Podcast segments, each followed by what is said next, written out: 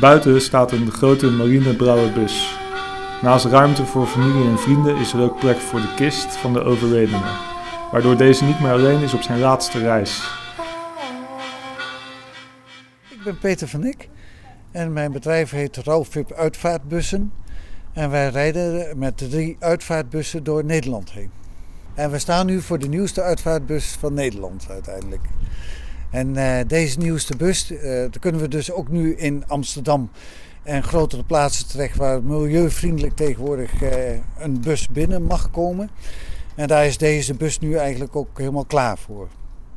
In onze nieuwste bus ziet u nu dat er 26 familieleden mee kunnen rijden met de overledene samen.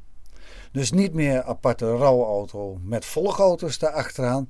Want mensen hadden dan toch wel zoiets van: uh, ja, wat ben ik eigenlijk aan het doen? Ik ben alleen maar constant aan het kijken naar die achteruit van de rouwauto. En daar zie ik de kist van mijn dierbare staan. En dat gevoel van verwijdering of uit elkaar halen is eigenlijk al afscheid nemen en geeft het het moeilijke gevoel waardoor je al niet meer met elkaar praat in die rouwauto, in die volgauto. Als wij mensen in een bus meenemen, dan zie je omdat je de overledene nog bij je hebt, dat mensen het gevoel hebben dat hun familie nog compleet is.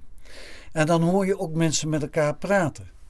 En u ziet in deze bus dat wij voor een scherm hebben en hier een scherm. En als mensen hun eigen DVD aan willen leveren, want mensen mogen doen wat ze zelf willen en ze geven die aan mij, dan kunnen wij de foto's van dierbaren laten zien. En dan krijg je ook echt in een bus dat mensen zeggen van, oh, weet je, toen waren ze nog op vakantie, toen deden ze nog dit. Dus ga je herinneringen ophalen. Dus de sfeer in een bus is altijd veel fijner dan uiteindelijk met rouwauto's. Je ziet ook in deze bus hebben we zelfs voor uh, mensen die uh, zenuwachtig zijn en op lange afstand toch een, een wc zelfs erin zitten. Zodat als mensen toch onderweg even uh, nou, een, een, kleine boodschap of wat dan ook willen doen, dat ze even gewoon naar de wc kunnen zelfs in deze bussen. Ja, de, dit is de bloemenhoek.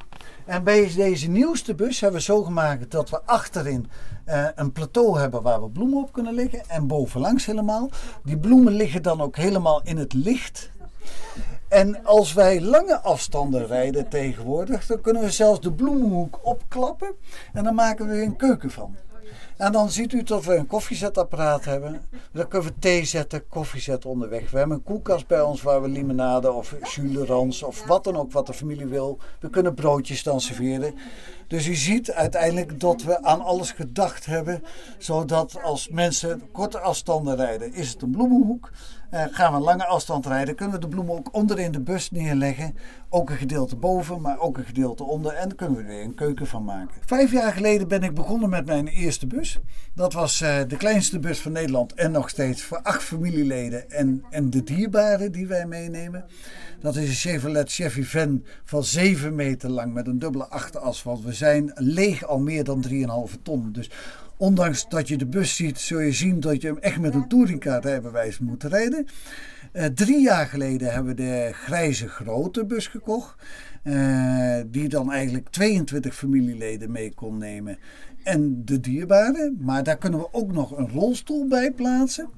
En deze nieuwste bus waar we 26 familieleden mee kunnen nemen. Of we kunnen er 24 meenemen en iemand extra in een rolstoel.